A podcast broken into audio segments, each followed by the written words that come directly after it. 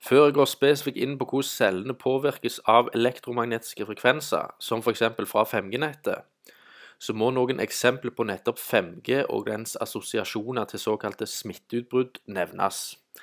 Og Jeg starter med å si at Wuhan sies i den byen hvor det såkalte viruset oppsto.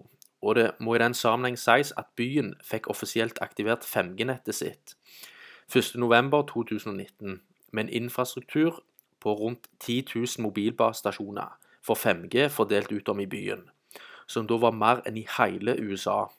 Alt dette sentrert i én by. Og Det oppsto òg et kraftig utbrudd i byen den 13.2.2020, samme uke som 5G-nettet for trafikkovervåking ble aktivert. Og når det er sagt, San Marino, som er et lite land og republikk i Italia, var det første landet med 5G-utrulling, og fikk nettopp nettet sitt i september 2018. Der har de den høyeste infeksjonsraten på verdensbasis, og i forbindelse med den første bølga i fjor hadde San Marino fire ganger høyere smittetall enn land som Italia. Og Italia var det landet som ble dratt fram som en av de verste, spesifikt Lombardia-regionen. Og Hvis han sammenligner San Marino med andre land, som f.eks. Kroatia, så var infeksjonsraten hele 27 ganger høyere i San Marino. Og Et annet eksempel er The Diamond Princess, et cruiseskip som annonserer med the best wifi at sea. Det skipet har seks kraftige antenneinnretninger lokalisert på toppdekket for optimal wifi med kommunikasjon via satellitter. Og Dette satellittsystemet ble utbygd for å øke bredbåndtilgjengeligheten på cruiseskip. Med 5G-nettet operativt så ble skipet den 3. februar 2020 lagt i karantene i Japan, hvorav rundt 380 passasjerer ble syke og 14 konstatert døde. Og De utsatte var hovedsakelig eldre og andre med allerede eksisterende sykdomsforløp.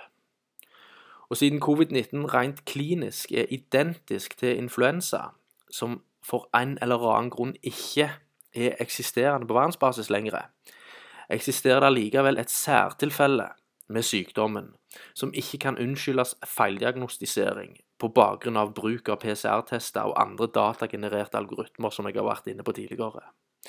Og, og dette såkalte skrekkeksempelet, som dras fram i media med symptomer som ikke har vært observert før, og som kan forekomme på, på unge som vel som på gamle, et tilfelle hvor pasientene ikke får puste og blir da lagt på respirator. Og Det må sies i denne sammenhengen at det, Tilstanden skyldes ikke problematikk vedrørende pusteevne, men redusert evne til å nyttiggjøre seg av oksygen. Så å putte disse individene på respirator det vil jo i verste fall bare øke lungetrykket og ha motsatt effekt. Og Det kom også tydelig fram og blitt påvist i den fagfellevurderte medisinske tidsskriften Journal of the American Medical Association. Der ble det påvist at av 5700 covid-pasienter som ble undersøkt i perioden 1.3 til 4.4 i fjor, økte dødsraten fra 21% til hele 88% hvis pasienten ble lagt på respirator. Og Tilstanden den kan sammenlignes med at pasientens lunge er putta på Mount Everest uten avklimatisering, som jeg så vidt har vært eh, inne på tidligere. Og det skyldes ikke en infeksjonssykdom overhodet. Det som rent objektivt forekommer, er at celleåndinga i cellene blir inhibert, altså redusert i så stor grad at oksygenet fra lufta vi puster inn, ikke kan nyttiggjøres av cellene som normalt. Nærmere bestemt, oksygenmolekylene inngår ikke med elektronene i det siste trinnet i elektronkjedetransporten, i mitokondriene i cellene, kalt cytokromoksidase og en mer utdypende forklaring legges fram i neste kjappis.